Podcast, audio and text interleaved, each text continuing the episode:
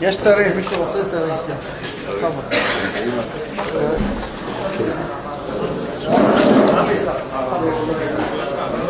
לא, זה תאריך.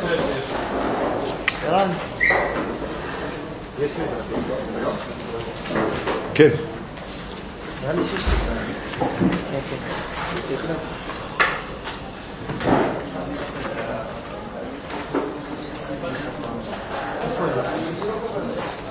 צריכים קצת להזדרז. הרמח"ל כותב פה את המילים האלה, הכיווי הוא סוד ההתפשטות. תודה רבה. הכיווי הוא סוד ההתפשטות, מה שאין כן העיגול הוא דבר סתום מכל צד. וזה לישועתך קיוויתי השם לעשות קווים. הוא דורש פה, הרמח"ל דורש את המילה קיוויתי במובן של קו. אבל הוא מעמיד כאן כנגד המושג קו, מושג שנקרא עיגול. דברים, הדברים בנויים על, אה, על אה, דברים שמפורשים, מבוארים בהרחבה בתורת האריזל. אריזל מניח ממש בתחילת סדר ההשתלשלות של, של העולמות, הוא מדבר על עיגולים שעומדים כנגד, ב, ב, ב, כנגד מה שנקרא קו. שם הדברים סתומים וחתומים. ננסה לפרש את הדברים קצת במציאות שאנחנו חיים בה, בצורה פשוטה. עיגול זה צורה מסוימת, שהעניין שלה זה החזרה על עצמה. אם אני הולך בעיגול, ככל שאני רץ יותר מהר, אני יותר מהר אחזור לאותה נקודה שאני הייתי בה, שאני נמצא בה עכשיו. באופן עקרוני, במהלך של עיגול אין דברים חדשים. עכשיו, הדבר הזה, העיגול, הוא לא, אה, הוא צורה גיאומטרית, אבל העיגול מבטא את התוכן, את הצורה העקרונית של הבריאה. הצורה העקרונית של הבריאה היא שהיא בנויה עם מהלך סיבתי, שכל שלב, שלב במציאות אה, מוביל, נקרא לזה ככה, מוציא לפועל את השלב הבא. ניתן אה, בתור דוגמה,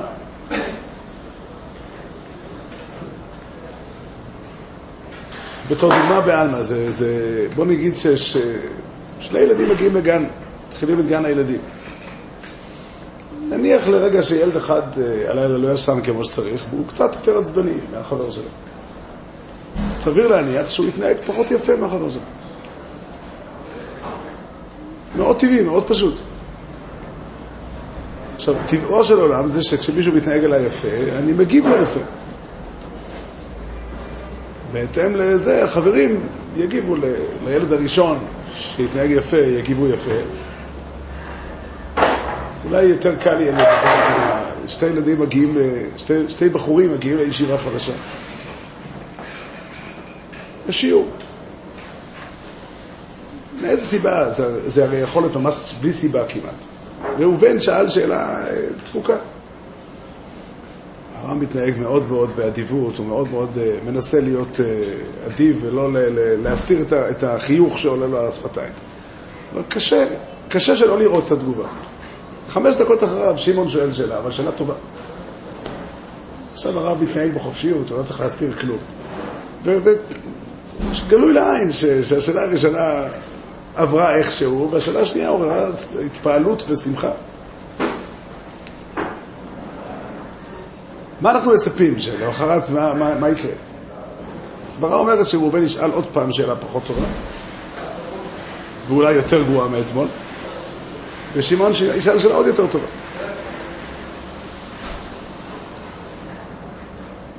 לא טבעי? זו, זה טבעו של עולם.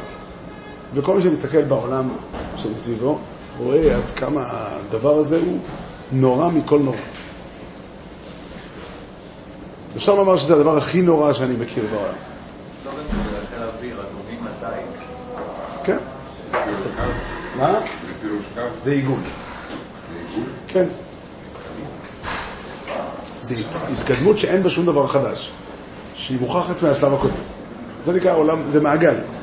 מעגל זה אומר, אני עושה משהו, זה גורם לך להתייחס אליי בהתאם, זה גורם לי אחר כך להגיב בהתאם. אנחנו כל הזמן מונעים מכוח האינטראקציה הזו עם הסובב. ובדרך כלל, בדרך כלל, כשאני עושה משהו אחד, ושוב, הסיבות, ההתחלה היא, היא, היא, היא שאלה חסרת משמעות, איך זה התחיל. בוא, תתאר לעצמך, מגיעים שתי אנשים חדשים לגור בשכונה. לא יודע, ביום הראשון אה, הוא הגיע, היה קצת מוטרד, הוא עוד לא שילם את כל הכסף על הדירה החדשה שהוא קנה. היה צריך לארגן עוד קצת כסף, הוא היה עצבני, מוטרד וכולי וכולי. כשאתה רואה בן אדם חדש, אתה מסתכל עליו, בוחן אותו, ושואל אפילו בלי לחשוב, בתת הכרה, מה שנקרא. אתה חושב, איך אני מתייחס למה ש... לבן אדם הזה, ואיך אני מגיב למה שהוא עשה. עכשיו, אני מגיב בהתאם לצורה שהוא, שהוא התנהג. עכשיו, ההתנהגות שלי, היחס שלי, כמעט בהכרח מוביל אותו להגיב עוד פעם למה שאני עושה. ואם התייחסתי אליו פחות טוב, כי זה מה שאני ראיתי, זה מה שאני הבנתי, סביר להניח שזה יגרום לו להתייחס עוד פחות טוב.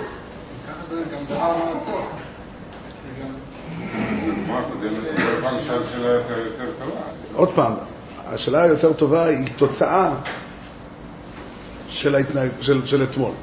זה. יש, פה, יש פה, בוא נקרא לזה ככה, המהלך של עיגול הוא מהלך שמעצים את עצמו כל הזמן. והטובים, איך שהוא אמר, הטובים הולכים לטיס, ואלה שהם פחות טובים לעולם לא יגיעו לטיס, הם ילכו יותר ויותר גרוע. באופן הזה, בני אדם, מערכות יחסים מושפעות מזה מלא. אדם מגיע הביתה, מגיע הביתה, יש אדם שאין לו אותה, הוא לא יודע בדיוק איך, איך, איך להתייחס יפה לאשתו. מגיע הביתה, אשתו רואה בן אדם בא עם אף חמוץ, סביר להניח שזה לא יגרום לה לחייך חיוך חכם יותר מדי.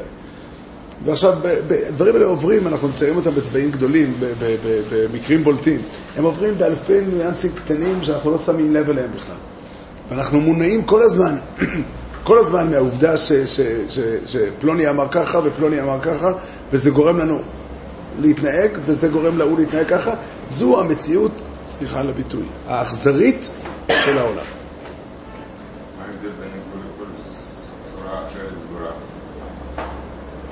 עיגול הוא הצורה, אתה צודק שגם מרובע היא צורה סגורה, להבדיל מכאן, שהוא צורה פתוחה.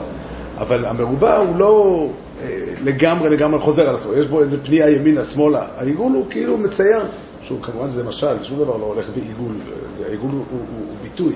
אבל הביטוי של המושג עיגול אומר שיש פה דבר שהוא בנוי כולו על סיבתיות. התשובה לכל מה שקורה היום היא במה שקרה אתמול. היה מי שאמר פעם, שאם תגיד לי אה, שבאופן תיאורטי אני יודע מה קורה עכשיו, אני יודע מה יקרה מחר. הטבע מאופיין באיזשהו עיגול. העיגולים שעליהם אה, האריזל מדבר, זה, זה הסוד של הטבע. הטבע הוא עיגול. זה חוקים כאילו? כן, חוקיות של הטבע, הטבע יש בו חוקיות מלאה. חוקיות מלאה. כל תנועה בטבע היא יוצרת אחריו, אחריה את, התש- את התגובות שלה. אני הדלקתי נר, אז הנר הוא דולק. ולמה הנר דולק? כי הדלקתי אותו. חשוב לשים לב, אני הדלקתי את הנר כי רציתי אור, אבל הנר לא דולק כדי שיהיה לי אור. ועובדה היא שבחלק מהמקרים אני עלול להירדם, והנר ימשיך לדלוק, הוא יכול להגיע למפה ולשרוף את המפה למרות שאת זה לא רציתי. והיו דברים מעולם. היו דברים כאלה, יותר מפעם אחת. זאת אומרת, זה מה שמאפיין, זה האופן שבו בורא העולם ברא את החלק של המציאות שנקרא טבע. כל עולם החומר שאנחנו מכירים אותו פועל על המערכת הסיבתית. האם ינחני במעגלי צדק? לא יודע. אני לא יודע, המילה עיגולים בהקשר הזה היא ביטוי שהאריזל משתמש בו. אני לא יודע אם זה קשור בכלל, אני לא בטוח בכלל שהמילה מעגל בשפה של התנ"ך הכוונה לעיגול. לא בטוח. לא, לא, לא בטוח שזה ככה. אבל אני מדבר על העיגול במובן שאנחנו משתמשים בו. זו צורה גיאומטרית מסוימת, שכולנו, אתה ואני מבינים למה הכוונה. והעיגול הוא סמל, הוא ביטוי, הוא ביטוי ציורי שמבטא את המציאות של הטבע. בטבע יש מעגל, יש מחזוריות. גדלה חיטה חדשה השנה, החיטה, חלק ממנה אנשים יאכלו, אבל החלק שלא יאכל, ייבול ויצמח מחדש. ויגדל עוד חיטה, והחלק, וכן הלאה. ככה גם מעגל, מחזור המים פועל בצורה כזאת. ובצורה יותר רחבה, כל החומר בעולם, כל החומר בעולם, אנחנו יודעים שהוא סגור באיזושהי מערכת, שהוא מתגלגל, עובר עיבודים. האדם אוכל את האוכל שהוא אוכל, האוכל מתעכל בו והופך להיות לעצם העצמיו ובשר מבשרו. יום יבוא, פקודת כל האדם ייפקד עליהם, ואז האדם הופך ל... בקבר הגוף נרקב וחוזר לאדמה, ונהיה מזה אנרגיה שמתגלגלת בצורה זאת אומרת, אה, צמחים חדשים יגדלו שם, וכן הלאה. זה המבנה של הטבע. חוק שימור החומר, חוק שימור האנרגיה, כל, כל המערכת כולה זה ביטוי קצר שאנחנו משתמשים בו כדי לבטא את כל המערכת כולה, שככה היא עובדת. היא באמת עובדת ככה. לא מדובר על דמיון, לא מדובר על אשליה. הטבע הוא דבר אמיתי, הטבע הוא דבר יסודי שהקדוש ברוך הוא ברא בעולם. יש כזה לשון של החזון איש באיגרת. הטבע הוא הרצון הכללי של המהווה את כל ההוויות יתברך. הקדוש ברוך הוא, יש, יש אירועים שאנחנו אומרים שהקדוש ברוך הוא רצה שיקרה היום כך. יש אירועים שאנחנו אומרים לא שהקדוש ברוך הוא רצה שיקרה היום כך, שהוא רצה באופן כללי שהעולם יתנהג בדרך הזאת. וככה הטבע עובד ואין דרך לצאת ממנו. חשוב לזכור את זה. אין, אין יציאה מהטבע. הטבע הוא מערכת כוללת, שכוללת את כל המציאות החומרית, וככה היא עובדת. כל מי שרוצה לחיות בעולם, וכולנו נמצאים פה כי אנחנו רוצים לחיות, אנחנו עושים את זה בדרך הזאת, שאנחנו משתמשים עם הטבע. אה, מה? אני לא חושב שלצאת מגדר הטבע זה דבר שהוא לא קיים במציאות שלנו. ניסים הקדוש ברוך הוא, אני אומר את זה באנל... כמעט בניגוד למה שהרמב"ן אומר, דברי הרמב"ן הם אמת לאמיתה, אבל כמו שהרמב"ן אומר שכל מעשינו, כל דברינו ומקראנו נס הם ואין בהם טבע ומנהגו של עולם, אני באותו מידה יכול להגיד שכל דברינו ומקראנו טבע הם ומנהגו של עולם, ואין בהם נס כלל. זאת אומרת, שהרמב"ן אומר זה שמאחורי הטבע יש השגחה. וכל דבר שקורה, הקדוש ברוך הוא גם מעוניין, הוא גם נעשה בגזרה אלוקית. אבל באותו מידה זה גם נכון שכל מה שקורה בעולם, חשוב להוציא מהראש כל מיני רעיונות שלדעתי אין להם, אין להם, אין להם שורש בדברי רבותינו. העולם פועל בטבע. הטבע זה הרצון הכללי של הקדוש ברוך הוא, והכל פועל. יש מערכת שלמה של דיון, כשאתה דן על הדברים ואתה מסביר. פלוני נהיה חולה כי חיידקים עברו מפה לשם ועשו אותו חולה. זו אמת. זו אמת. פלוני התעשר כי הוא עשה עסק כזה וכזה. וכן הלאה. כל מה שקורה בעולם, להוציא את אותן אה, הופעות אלוקיות עליונות שהיו ביציאת מצרים, או אולי בעוד אירועים, שהם ניסים. והניסים הם יוצא מן הכלל. הם לא הסדר הרגיל של הבריאה. הרמב"ם כותב בספר המורה, זה מאוד מחודש הפירוש שלו לפסוק. על את הפסוק בקהלת, האלוקים יבקש את נרדף, זה ודאי לא הפשט הפשוט, אבל ככה הרמב"ם מפרש. הרמב"ם אומר, פשוטו של מקרא, אלוקים מבקש את רדיפת הדברים בזה אחר זה בדרך סיבה ומסובב. ככה הרמב"ם מפרש את הפסוק, לא ניכנס כרגע למה הוא פירש כך ו- ו- ו- וכולי. אבל הרמב"ם אומר, והוא ודאי צודק, גם אם לא בתור פשט בפסוק. הטבע הוא הרצון הכללי של המהווה את כל ההוויות יתברך. וככה העולם עובד. ככה העולם עובד, אנחנו לא מבקשים לצאת מהטבע. אין לנו שום תפילה בסדר התפילות שאנחנו מתפללים, מתפללים על יציאה מהטבע. ההפך הוא הנכון. עוד רגע ניגע בנפש. עוד רגע ניגע בעולם של הנפש. אישה לא שהיא הכרה באופן כזה, שזה נס, לא... גלעד, אישה שהיא הכרה באופן כזה, שזה נס בשבילה אה, ללדת, אז היא לא אמורה להתפלל שהיא תלד. הגמרא כותבת, הרבה מאוד, אה. האימהות זה כנראה, כנראה שזה דין שונה. הגמרא ככה שואלת, הגמרא שואלת, הגמרא מביאה מדרש שלאה התפללה שהתחלף העובר מזכר לנקבה, ושואלת הגמרא, הרי, לא, הרי זה תפילת שער, אומרת הגמרא שמעשה ניסים שייני. זאת אומרת, אצל האבות היה הגיוני שיהיה מעשה ניסים. זה שתי תירוצים הגמרא אומרת. תירוץ אחד ככה, ותירוץ שני ככה. יש גמרא שמבטאת את זה חזק, זה נדרים, שצריך להתפלל על חולה שימות. כן, כן, הגמרא במסכת נדרים, בפרק ה' בן עמודר, צודק, ממש צודק, הגמרא בפרק ה' בן עמודר, למדתי אותה בשבת. הגמרא אומרת שם שכל שאינו מבקר את החולה, אינו מתפלל עליו לא שיחיה ולא שימות. איך אתה יודע להתפלל מה טוב לו? אולי לא טוב לו כבר לחיות. אנחנו מתפללים, אני מניח שאפשר להקל ולהתפלל שהוא יחיה גם אם אתה לא יודע מה קורה איתו. אבל להתפלל על ניסים, לא מתפללים על ניסים. לא מתפללים על ניסים, אנחנו לא, ברגע שאדם מת, מפסיקים להתפלל עליו. מתפללים שיהיה לעילוי נשמתו. לא מתפללים שהוא יקום לתחייה. אין כזו תפילה בסדר תפילותינו. אין, אנחנו לא מתפללים על ניסים. אנחנו לא מבקשים לצאת מהטבע. אני לא מדבר, אפרים, עוד רגע נגיע ל, ל, לכל התחום שנקרא נפש. וזה הסוגיה שלנו פה. אבל קודם כל, המערכת הזו של הטבע היא מערכת אמיתית ונכונה. הרופא, שתבוא ותשאל אותו מה עושים עם זה, והוא יגיד לך, תשמע, נהיית חולה כי עשית עבירות, הוא עשה את מלאכתו רמייה. כי תפקידו של הרופא ושל האינסטלטור וכן הלאה, וגם כל אדם פרטי, כשהוא אוחז בתחום הזה, בשלב הזה של הדיון, לענות את התשובות. אדם שיגיד, תראה, אני שם את הסכין שלי על הגג, ואם אתה, אם, הסק, אם הרוח העיפה את זה, כנראה שהקדוש ברוך הוא רצה. אז תלוי, אם הרוח היא רוח מצויה, אז הוא עשה את זה, הוא פושע, והוא חייב לשלם. ואם הרוח היא רוח שאינה מצויה, פשוט הוא לא הייתי צריך לחשוב שזה קיים. מה קובע מה מצוי ומה לא מצוי? חוקי הטבע. מה קורה אצל אנשים שחולים במחלות שאין להם סיבה טבעית לכאורה? מחלה שאין לה סיבה טבעית, אני לא יודע איך המחלה, המחלה נהייתה? היא קרתה בדרך הטבע. אינני יודע, אני לא, אני, אני לא אומר שאנחנו מכירים את הטבע לגמרי, אבל לכל דבר שקורה בעולם, ואני מדבר במפורש על כל המערכת שנקראת חומר, יש סיבה טבעית. יש מנגנונים טבעיים שפועלים. וזה כל חוקי המציאות, כל חוקי התורה, נשענים על ההבנה הזו. שואה זה דרך הטבע? אתה, אתה נכנס פה לערבוב של התחום הנפשי, אבל דרך אגב, כל אחד מהאנשים שנהרגו בשואה נהרגו באופן טבעי. דהיינו, לצורך העניין, אם גז ציקלון הרג אותם, לגז ציקלון הוא גז שמפעיל, עושה, יוצר השפעה כלשהי על מערכת העצבים, וככה הם מתו. אף אחד מהם לא מת כי הנשמה שלו פרחה לשמיים.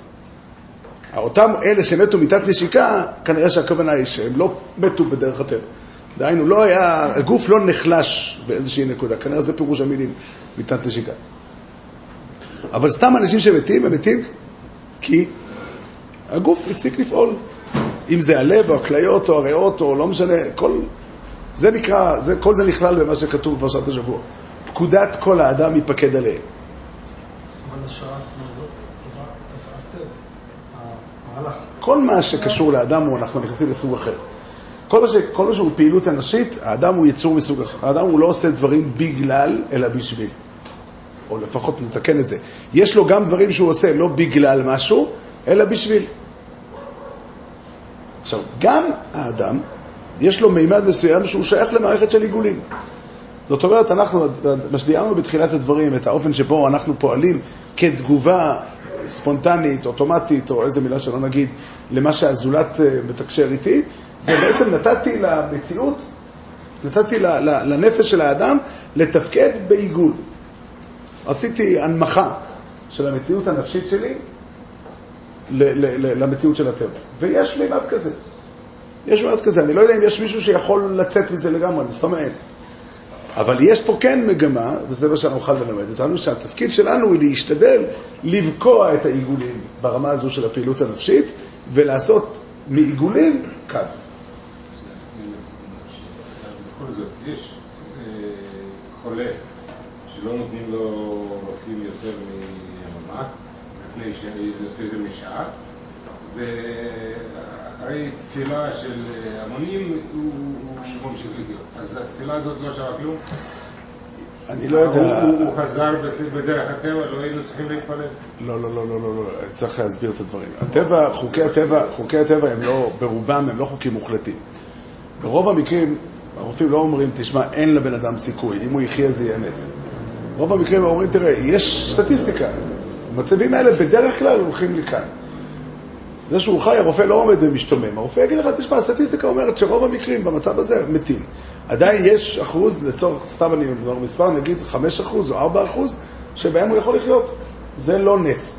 אבל כאשר בן אדם, הכליות שלו לא עובדות, לא, אבל אני לא הבנתי, אבל תפילה זה או לא? עוד פעם, במקרה הזה תפילה עוזרת.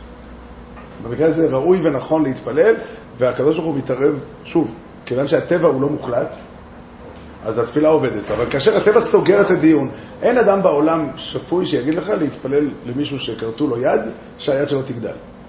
מדוע? ואותו דבר, היד זה דוגמה אחת, אותו דבר אה, אישה עקרה במצבים מסוימים של עקרות, יש מצבים של עקרות שאין אין על מה לדבר. חז"ל מביאים כזו דוגמה על שרה אימנו, שאין לה בית ולד. אין לה בית ולד, אין תפילה כזאת. מה היה אצל האימהות זה סיפור אחר, אבל כזאת מציאות היום, אם תלך לכל רב בישראל, כל אדם בוגר, יגיד לך, אין על מה להתפלל. ותפילה כזאת, כתוב במשנה במסכת ברכות, היא תפילה לא נכונה. היא תפילת שווא. מי? חזקיהו לא, אני לא יודע מה... בן 15 שנה? בכלל לא כתוב שם שזה. שם היה- הנידון שם היה מה הגזרה שנגזרה עליו ואיך הגזרה התבטלה. רואים עליו שהוא מתפלל הרבה עוד שנים בחיים שלו.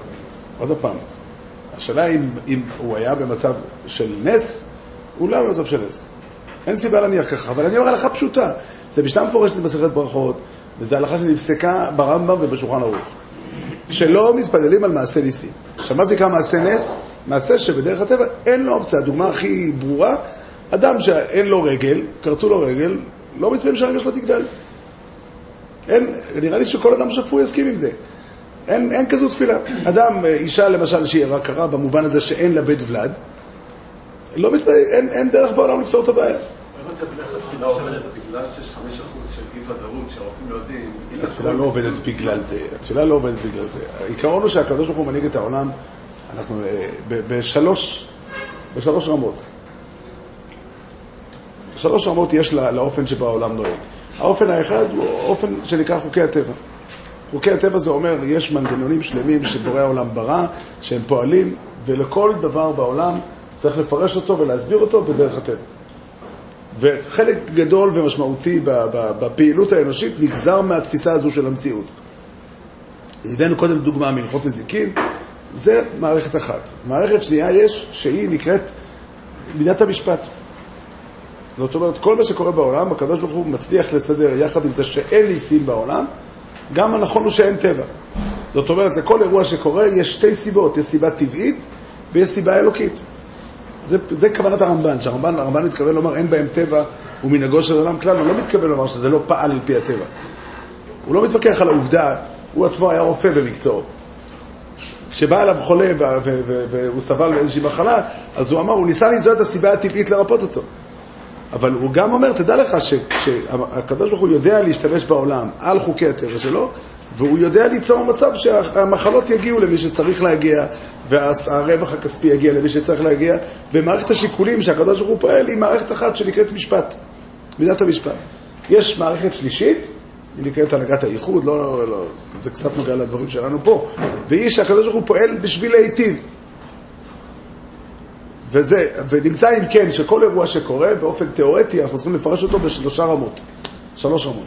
הרמה האחת היא לפרש אותו בדרך הטבע, והפירוש הזה אמיתי ונכון וצריך להתייחס אליו והוא קובע, לרובד מסוים של הפעילות שלנו הוא קובע.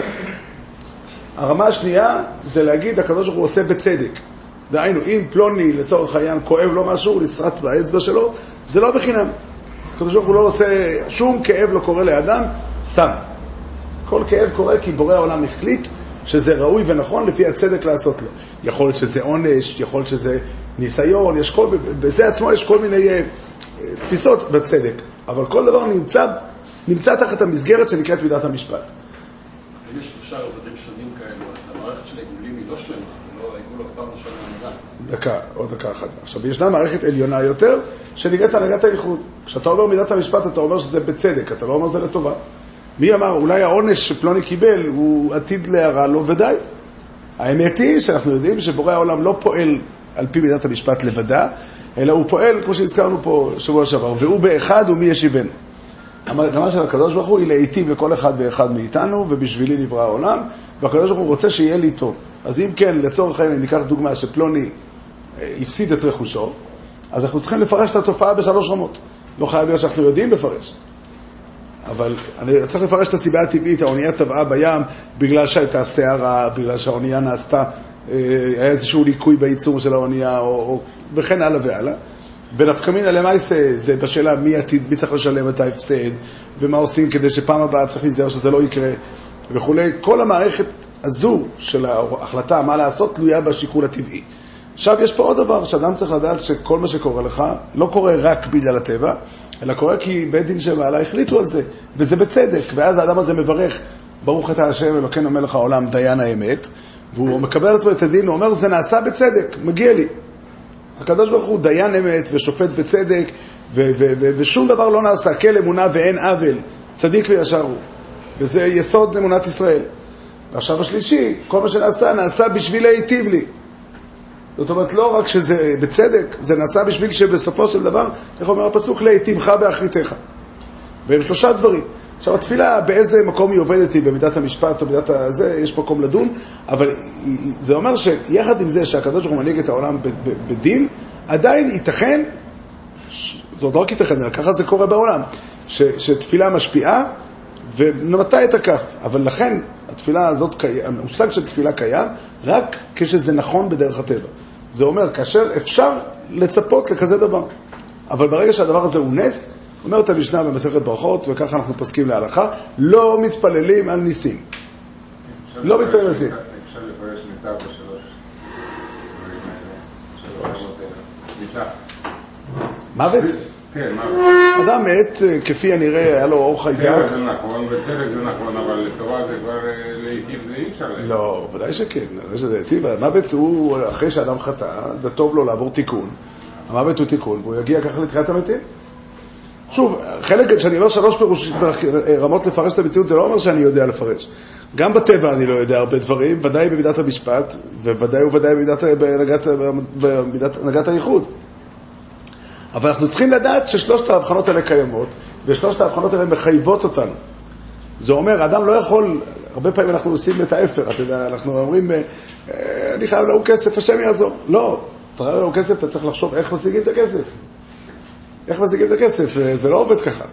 ואדם אומר, אדם שייסע בשביל לחפש אתרוגים למדבר, אם הוא שויטה, אז הוא לא אשם. אבל אם הוא אדם רציני, אז אין דבר כזה. אתה צריך לברר איפה גדלים אתרוגים. אתרוגים לא גדלים במדבר, ואי אפשר לצאת ידי חובת החובה שמוטלת עליך להשיג אתרוג על ידי שתיסע למדבר. כן. אה. אה,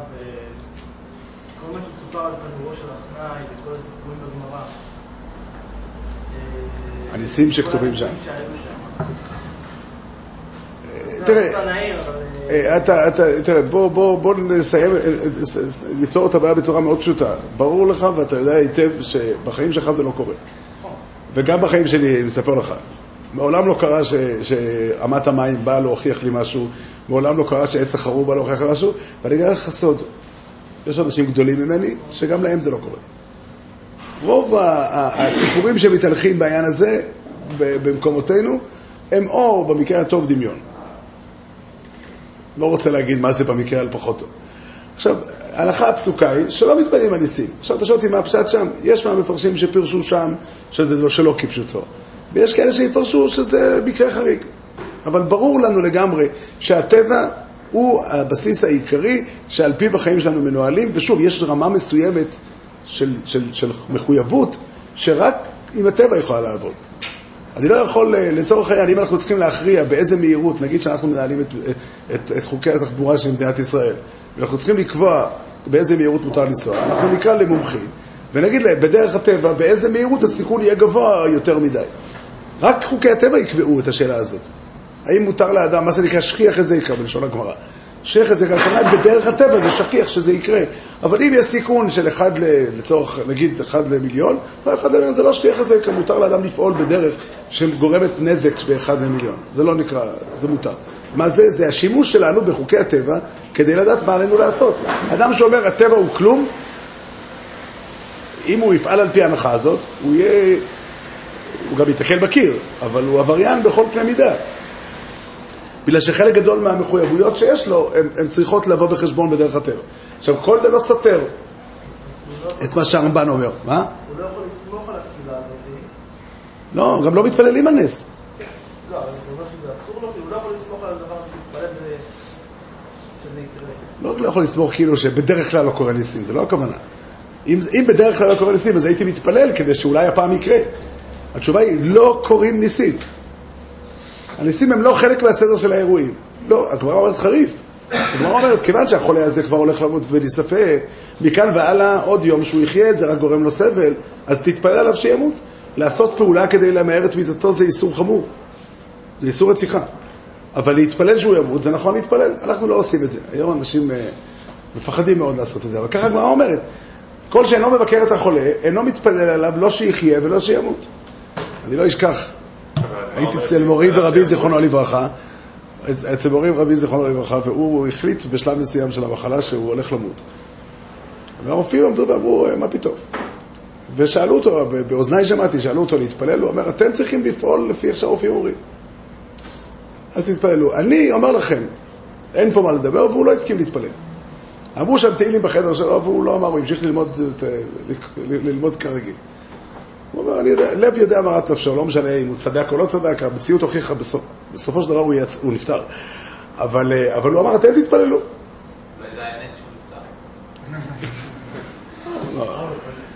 אבל הוא אמר את זה מאוד ברור.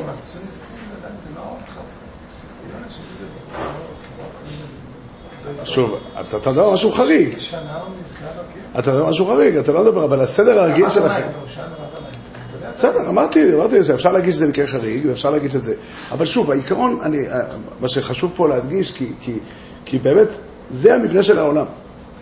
זה לא, זה לא הפשט שהדבר הנכון הוא שיקרו ניסים, ומה נעשה שלא קורה לנו. הקדוש ברוך הוא ברא את העולם בשביל שהוא יפעל בדרך הטבע. הזכרתי את הלשון של החזון איש. זה שאומר דברים נפלאים מאוד. הטבע, מה שאנו קוראים טבע, הוא הרצון הכללי של המהווה את כל ההוויות יתברך. והחובה שלנו לפעול בדרך הטבע היא חובה עקרונית. כן, ניר. הטבע של החיים זה המעגל, והרצון וההשתוקקות של האדם זה הקו. או, אני רוצה להשקיע. ההשפעה על על העיגול, שהוא כן יכול לשבור את הטבע גם על ידי דברים שהגדירו אותם כניסים. כן, כן, כן, נכון, נכון. העולם הנפשי של האדם בכלל, זה צריך לדעת. כל העולם ששמו נפש האדם, הוא לא לגמרי בתוך הטבע. הוא לא לגמרי שייך לעיגולים, אלא יש בו מימד של קו. המימד של קו זה כל דבר שאני עושה אותו לא בגלל משהו, אלא בשביל משהו. יש, האדם הוא יצור שפועל, אותו נר שדיברנו עליו. אז אני הדלקתי אותו כדי שיהיה לי אור. לא הדלקתי אותו בגלל איזושהי סיבה. הדלקתי אותו בשביל שיהיה לי אור. זה נכון שהוא דולק, מאותו רגע שהדלקתי אותו והלאה, הוא דולק כי הוא בוער. והמבחן הוא פשוט, אני יכול להירדם, והנר ימשיך לדלוק.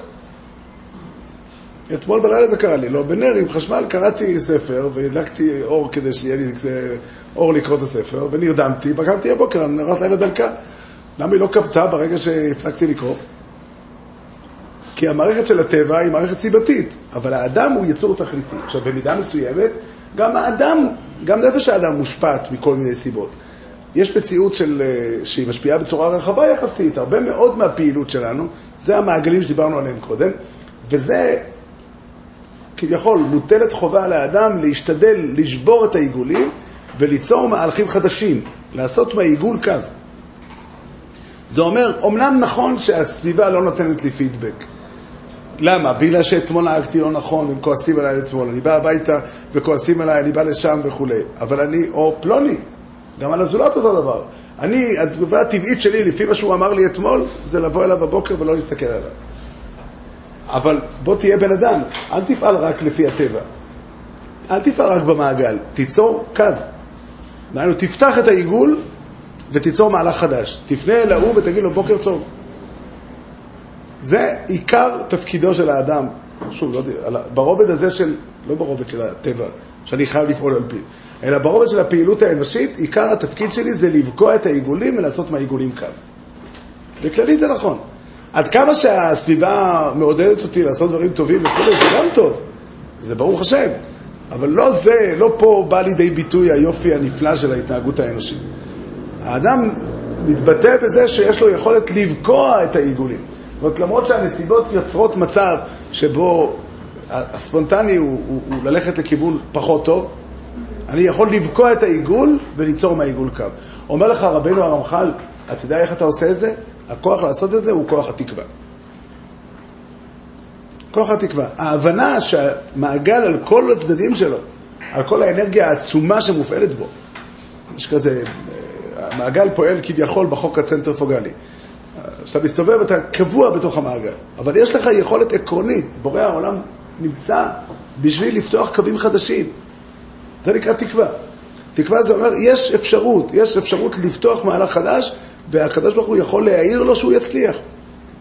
וזה כל האדם. וזה זה מה שמתבקש מאדם כאדם לעשות. עד כמה, שוב, עד כמה שהנסיבות גורמות לי לעשות טוב, אני לא מסרב לזה. זה נפלא, זה טוב. אני מקווה גם שבהמשך יהיה לי סיבות שיגרמו לי לעשות טוב. אבל אני נבחן בזה שישנם מקומות שבהם אני בוקע את העיגול, בוקע את המעגל, נותן אמון, נותן תקווה, בזה שאנחנו מתחילים פה מהלך חדש. לא מזמן, לא מזמן הייתי בחופה, סידרתי קידושים. תלמיד שלי, אדם שחיים לא, לא, לא היו טובים לו. הוא גדל בבית קשה מאוד. גם הכלה גדלה בבית קשה מאוד. ומתחת לחופה אני ככה אה, מתחיל לארגן את הכוס בשביל לברך, והוא שואל אותי, הרב, אפשר לעצור את מעגל האומללות? זה לא פשוט לענות תשובה מיד לכזו שאלה. אבל מה התשובה באמת? זה, זה הסוד. אבל מה שצריך בשביל זה זה תקווה. זה דבר מדהים עד כמה. התקווה היא באמת כוח אמיתי. אברהם, לא, אני לא חושב שצריך להגיע עד אברהם, אני חושב שאנחנו נמצאים פה בבית מדרש הזה, אנחנו רואים הרבה מאוד אנשים, ולא רק פה. אברהם ודאי הוא ראש, למ, ראש למאמינים, אבל אני חושב שאנחנו רואים את זה הרבה מאוד. הרבה מאוד אנשים לוקחים יוזמה, לוקחים אומץ, והמון, הרבה מאוד דברים קורים ככה. הרבה מאוד תהליכים חדשים. אתה רואה בהרבה מקרים אנשים שנמצאים במצב, ובא מישהו, זה קורה, רואים את זה, ככה זה יותר בולט כשזה מגיע מבחוץ. בחלק מהמקרים אתה רואה את זה על האדם עצמו. ובא מישהו ופשוט נותן אמון. פשוט נותן תקווה. נותן תקווה. ו, ואתה רואה שהמעגל טיפה נפתח. מי שמתבונן קצת בצד ההנדסי של העניין, אז טיפה פתיחה של העיגול יוצרת באמת מהלך חדש לגמרי. כי כל עוד העיגול הוא לא מושלם לגמרי, טיפה חריגה, זה כבר מספיק בשביל לשנות. הכוח הזה הוא יותר? זה שאלה של, אה, של שפה. זה ודאי קיים בטבע, זה לא ניסים, זה קורה, קורה כל הזמן. אבל הוא לא הטבע בעצמו, הוא, הוא מה שנקרא האדם ולא הטבע. האדם הוא יצור שלא, הטבע לא מדבר עליו לגמרי. הפיזיקה היא לגמרי טבעית, הכימיה היא טבעית לגמרי. לרצות שהחומץ ידלק זה נס גמור. רב חנינא בן דויסר יכל, יכל לקרוא לו דבר כזה בבית. לרצות ש, שחומץ, אין, אין דבר כזה, החומץ אין לו את האפשרות לדלוק. לרצות שהחומץ ידלק זה בדיוק כמו לרצות שהאוויר ידלק, או, אין, אין דבר כזה. אבל כשבן אדם יצליח לבקוע את העיגול ולעשות קו, זה קורה, ב- כל הזמן זה קורה. תקווה זה הר- זה הרגשה, אי אפשר לצוות על בן אדם לקוות. אי אפשר לצוות, אפשר לקרוא, להזמין אותו לזה. וזה מה שבורא העולם עושה בתורה. זה מה שבורא העולם עושה בתורה, וזה מה שהאמונה בכלל עושה. זה בא רק אחרי תפיסה ואיכות. אני, אני חושב שהתפיסה הזו היא לא צריכה להיות דווקא, זאת אומרת, שוב, אנחנו משתמשים פה במבנה תורני, הגיוני, בשביל להסביר את זה. אני חושב שכתופעה נפשית המסר הזה קיים בעולם. אנשים בעולם שלא שמעו על אמונת הייחוד, גם יש להם איזושהי אה, אה, תפיסה לא, לא מילולית של תקווה. המציאות מדברת, השמש מדברת תקווה. אנחנו, בתורה, יש לנו אה, מבנה הגיוני איך הדברים האלה בנויים, ואנחנו רוצים לתת לזה מבנה שיטתי. אבל התקווה כתופעה קיימת, היא קיימת בעולם. יש הרבה סיפורים בעולם, ברחבי העולם כולו. יש סיפורים על אנשים ש, שחיו בתנאים בלתי אפשריים, והצליחו לבקוע את העיגול וליצור קו. זה מותר האדם מן הבהמה. המהר"ל אומר שהבהמה, זה דרוש, אבל המהר"ל אומר שבהמה זה במה. כל מה שיש בה, זה נקרא עיגול, זה נקרא המציאות של הטבע. כל מה שיש בה, מונח בה. אין בה, אין בה מהלך של התפתחות. אדם זה אותיות מאוד. שוב, לא צריכים להגיע לדרוש בשביל להגיד את זה, אבל זה מאוד יפה לבטא את זה ככה. אדם זה אותיות מאוד. מאוד זה אומר, זה בלי גבול. הרב אוהב להזכיר את ה- את- את הבדיחה על הבן אדם שמאמין בגלל שזה כתוב במשנה ברורה. ברור שאמונה היא, אמונה היא חוויה של בן אדם ותפיסה של בן אדם. אנחנו קוראים לבן אדם, אברהם אבינו מסתובב בעולם וקורא לבני אדם להאמין. זה לא, אה, אדם לא מאמין כי, כי יש כזו מצווה, זה ברור שלא. אבל, אבל אפשר לקרוא לבן אדם, אפשר להזמין אותו. הקדוש ברוך הוא מופיע בתורה. כן. כן? שוב, זה עצמו התחלה של שכבר יש בך תקווה. אם אין שום תקווה, אדם לא, לא אומר כזה משפט. אבל אדם יכול להתחבר לאותה נקודה שבנפש שלו, שקיימת ב, ברמה נמוכה, ו, ו, ולהתחבר אליה. לצאת משגרה או מהפעילות של החומר זה גם... יותר בקול. לצאת מהשגרה, לצאת מהפעילות של החומר זה גם... נו, אפשר להשתמש במילים האלה. למה לצמצם את התקווה רק לפרוץ את המעגל של הטבע האנושי? למה לא לקוות שהטבע הפיזי גם ייפרץ? לקוות להתפלל לנזכר גם פריצה של מעגל.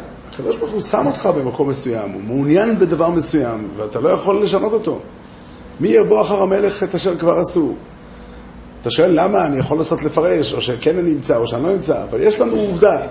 מה? יש גם יחסי גומלין אבל בין הנפש ובין הטבע הפיזי. כן, לא, ברור ש... אני, אני, אפילו זה אני לא חושב, אדם לא יכול לפעול גם בתחום הנפשי לגמרי בלי קשר לנסיבות. אבל יש אפשרות במקומות רבים בחיים לבקוע את העיגול וליצור קו. ושוב, מה שכתוב כאן, תדע לך, זה המקום שבשבילו נברא האדם כ- כיצור אחר מכל הטבע. כיצור אחר מכל הטבע. לשאת קצת מהכולו שקרים ולגעת באותו אמת מארץ תצמח. אותו נקודת תקווה, אותה נקודה שיש בלב של בן אדם, וכנראה שלבן אדם חי יש כזה, כזה נקודה בלב. שהוא קורה. גם זה נכון, אבל זה עצמו, התפילה עצמה היא, היא, היא יציאה מהקו. כי התפילה עצמה, כשאדם נמצא לגמרי תחת השלטון של העיגולים, אז אין לו במה להתפלל. גם שהטבע הוא טבע וככה צריך להיות, אבל לפני שזה קורה, אז ברור. תמיד שזה- ברור שכן. כל, כל, אה, מצד השינוי של הבן אדם, האדם יש לו טבע מסוים, נדרש שינוי במידות שלו, אבל זה נשמע שזה משחק מקום מראש. כאילו, הקושי הוא יותר גדול מהיכולת לשנות באמת. אני לא, לא, לא זה, זה, זה, זה הנקודה שפה נאמרת, היא בדיוק הנקודה הזו. לעשות שינוי ולמחוק את הטבע לחלוטין של האדם, הטבע, אני מתכוון לומר, הטבע הפסיכולוגי של האדם, אני לא חושב שאפשר. אבל אני חושב שאפשר לבקוע, ושוב, הבקיעה היא לא מחיקה של העיגול, אבל היא יציאה מתוך העיגול ושינוי כללי המשחק במידה מסוימת. מה קורה אחר כך? גם אם אחר כך נחזור לעיגול, העיגול כבר יהיה עיגול אחר. העיגול יהיה יותר טוב. גם אם האדם, גם אם אדם אחר כך חוזר לעיגול, הוא, הוא כבר הגיב אחרת. האנשים מסביבו מגיבים עליו אחרת, זה כבר משהו השתנה. קל וחומר שהוא יכול לבקוע עוד עיגול, וכן הלאה. יש יכולת לאדם לבקוע את העיגולים, לבקוע את הסדר, את הסדר הרגיל של החיים וליצור מציאות אחרת. זה העיקרון. האם אדם יכול לעשות את זה תמיד, כל הזמן? לא אמרנו. אבל אדם יכול לעשות משהו, ולמשהו הזה יש סיכוי. והכלי העיקרי, אומר לך הרמח"ל, הכלי העיקרי שאיתו אפשר לבקוע עיגולים זה תקווה. כל אחד יראה את זה במציאות. התקווה נותנת אפשרות, גם שהיא מופיעה בשפה אנושית רגילה, לא בשפה אמונית. התקווה נותנת אפשרות להתחיל דבר חדש. להתחיל דבר חדש. התקווה כשמה כן, היא באמת אה, מזכירה את המילה קו. כי היא באמת, היא פותחת מהלכים שהסוף שלהם הוא, הוא בלתי ידוע. כמו, כמו ההבדל בצורה הגיאומטרית בין קו לעיגול. העיגול הוא סגור והקו הולך ישר. עד לאן? באופן עקרוני הקו הוא אינסופי. שוב, תלוי כמה דיו יש לך, תלוי כמה נייר, אבל ברמת העיקרון, ברמה ההנדסית, הקו הוא אינסופי.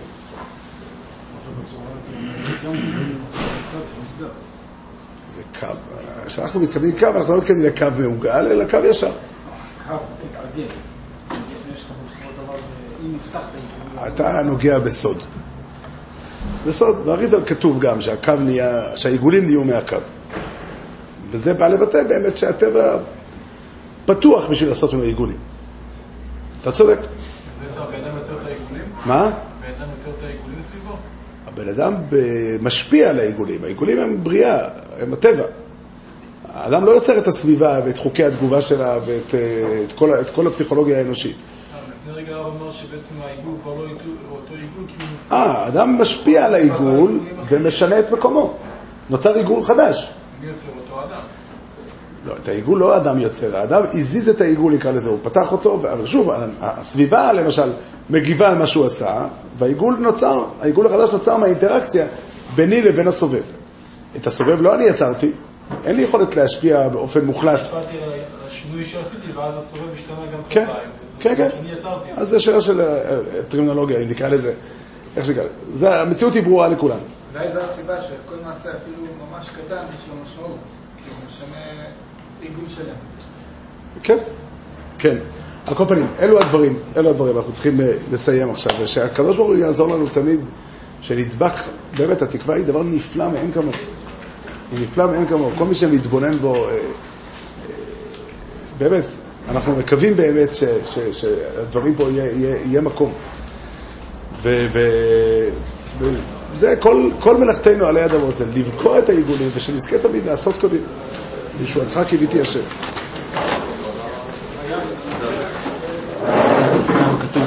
רעיון, תוחלת ממושכה אה, מדינת לב. מחלת לב. תוחלת- מחלת לב, והתוחלת היא דומה לתקווה, רק על